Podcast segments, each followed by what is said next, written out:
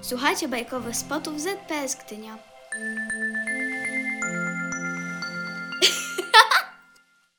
Krasnoludek. Hans Christian Andersen.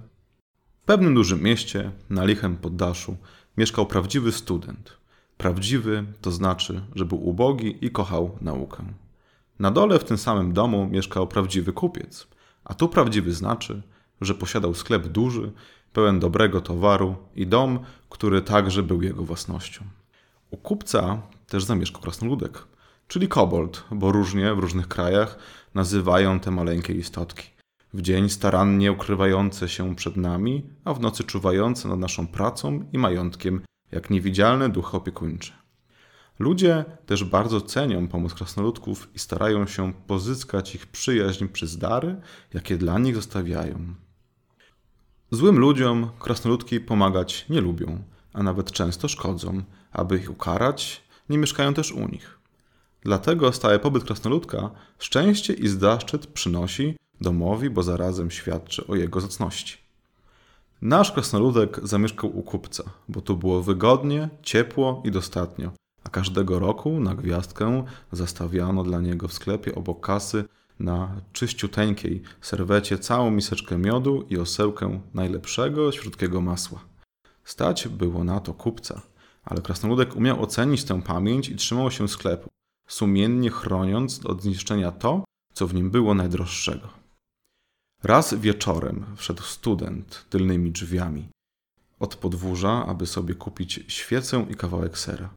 Nie miał kogo przysłać po więc sam przyszedł, zabrał sprawunki, zapłacił, a kupiec i kupcowa skinęli mu życzliwie na dobranoc. Było to bardzo uprzejme z ich strony, gdyż kupiec miał sklep własny i dom cały należał do niego, a kupcowa posiadała jeszcze dar wymowy. Pod tym względem niełatwo było jej dorównać. Student skłonił się też bardzo grzecznie i szedł ku drzwiom, lecz stanął i zaczął uważnie czytać kartkę papieru, w którą mu ser zawinięto.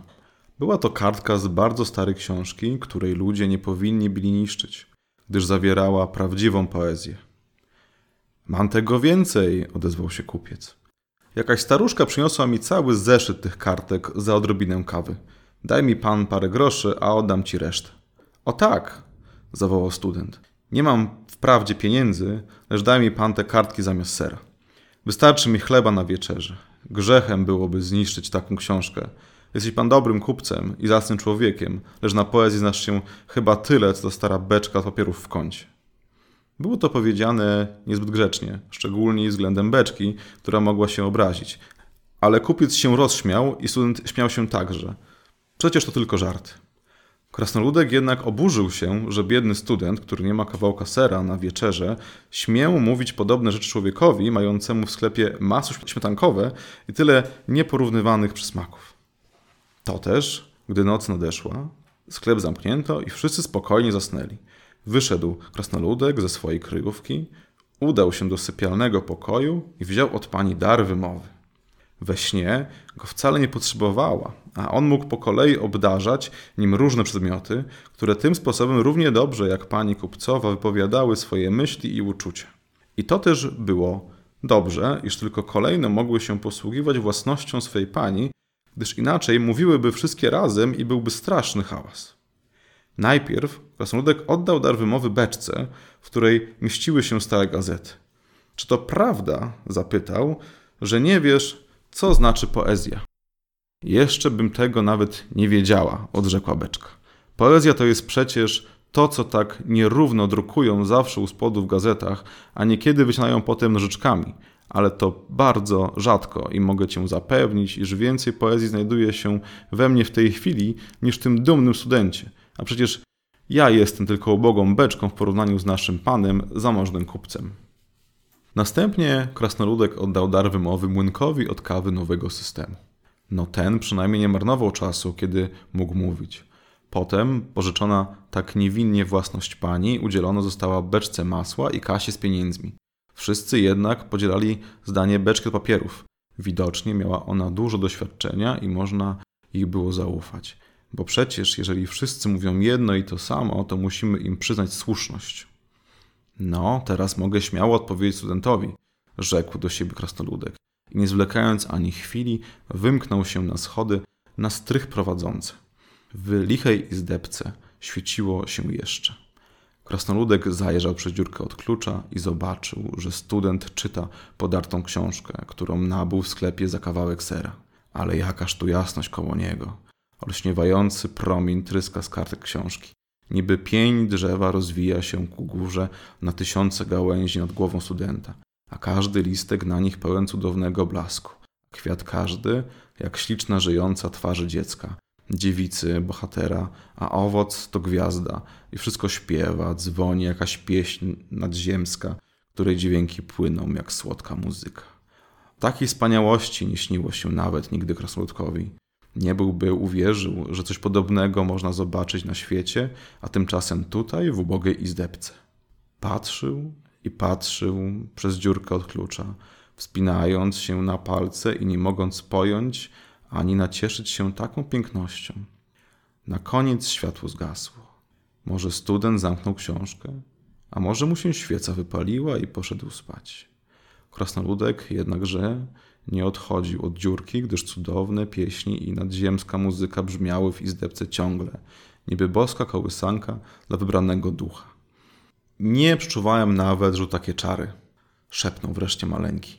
Mógłbym się tu przenieść i zamieszkać zupełnie. Zaczął myśleć o tym, gdyż był istotą rozważną i mądrą. Na koniec westchnął. A miód? Szepnął ze smutkiem. Do jedzenia nic tu nie ma.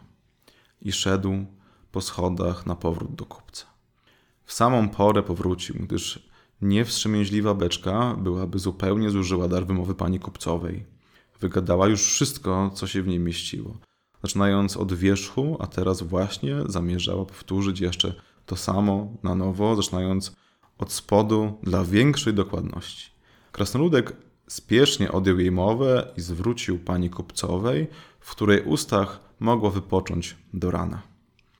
Od tego czasu jednak cały sklep od kasy aż do najcieńszej drzazeczki tak mocno uwierzył w rozum beczki od papierów, iż wszystkie sprzęty powierzały jej swe sekrety. Otaczały ją szacunkiem niewypowiedzianym, a kiedy wieczorami kupiec czytał głośno wiadomości z gazet codziennych, były pewne, iż wypowiada myśli ich czcigodnej sąsiadki. Ale krasnoludek już teraz nie słuchał ciekawie i spokojnie tych rozmów wieczornych. On, skoro tylko błysnęło światełko w oknie na górze, śpieszył do dziurki od klucza, jak gdyby go kto ciągnął na łańcuchu. Tam ogarniało go dziwne uczucie wielkości i potęgi, jakby widział Boga samego wśród burzy stąpającego po bałwanach morskich. I zapomniał, gdzie jest i co widzi. Łzy płynęły mu z oczu, a serca wzbierało mu uczuciem dziwnie słodkim i radosnym – Jakimże szczęściem byłoby dla niego usiąść obok studenta pod drzewem jasności i widzieć, co on widzi, i czuć, co on czuje. Lecz tego mu nie wolno.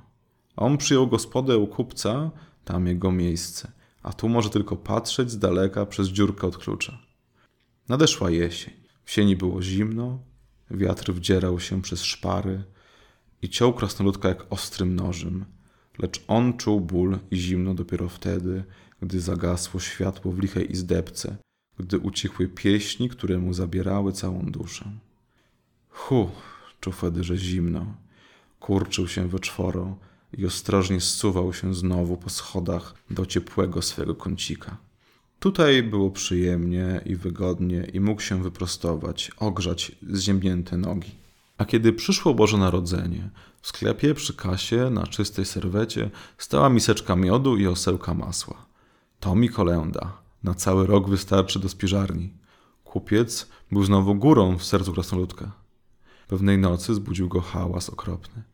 Stukano w okiennice gwałtownie, stróż nocny trąbił, uderzono w dzwony, rozległo się wołanie Gore, gore! Wszyscy zerwali się ze snu strwożeni. Gore? Gdzie gore? Całe miasto w ogniu. Dom sąsiada się pali. Pani kupcowa tak się przestraszyła, że wyjęła z uszu co prędzej kolczyki, aby schować je do kieszeni.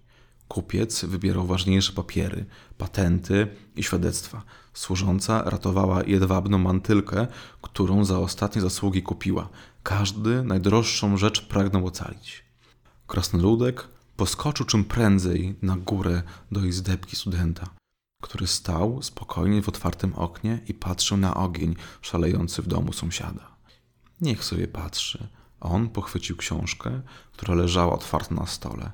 Schował do swojej czerwonej czapeczki i trzymał mocno oburącz na głowie. Teraz niech reszta spłonie. Skarb najdroższy uratowany i nie zginie, póki żyje opiekuńczy duch tego domostwa, mały krasnoludek. On go w niebezpieczeństwie uchronić potrafi. Oho, już jest na dachu, siedzi na kominie i przyciskając mocno czerwoną czapeczkę patrzy na dom płonący. I tak siedział, póki nie ugaszono ognia. W tej chwili wiedział dobrze, co najbardziej kocha, co mu jest tutaj najdroższym na świecie. Komu służy? O, wiedział. Ale kiedy ogień ugaszono, powrócił do rozsądku. Tak, to bardzo piękne i bardzo drogie, ale muszę służyć im obu, rzekł na koniec. Zupełnie kupca porzucić nie mogę, przez wzgląd na miód i masło.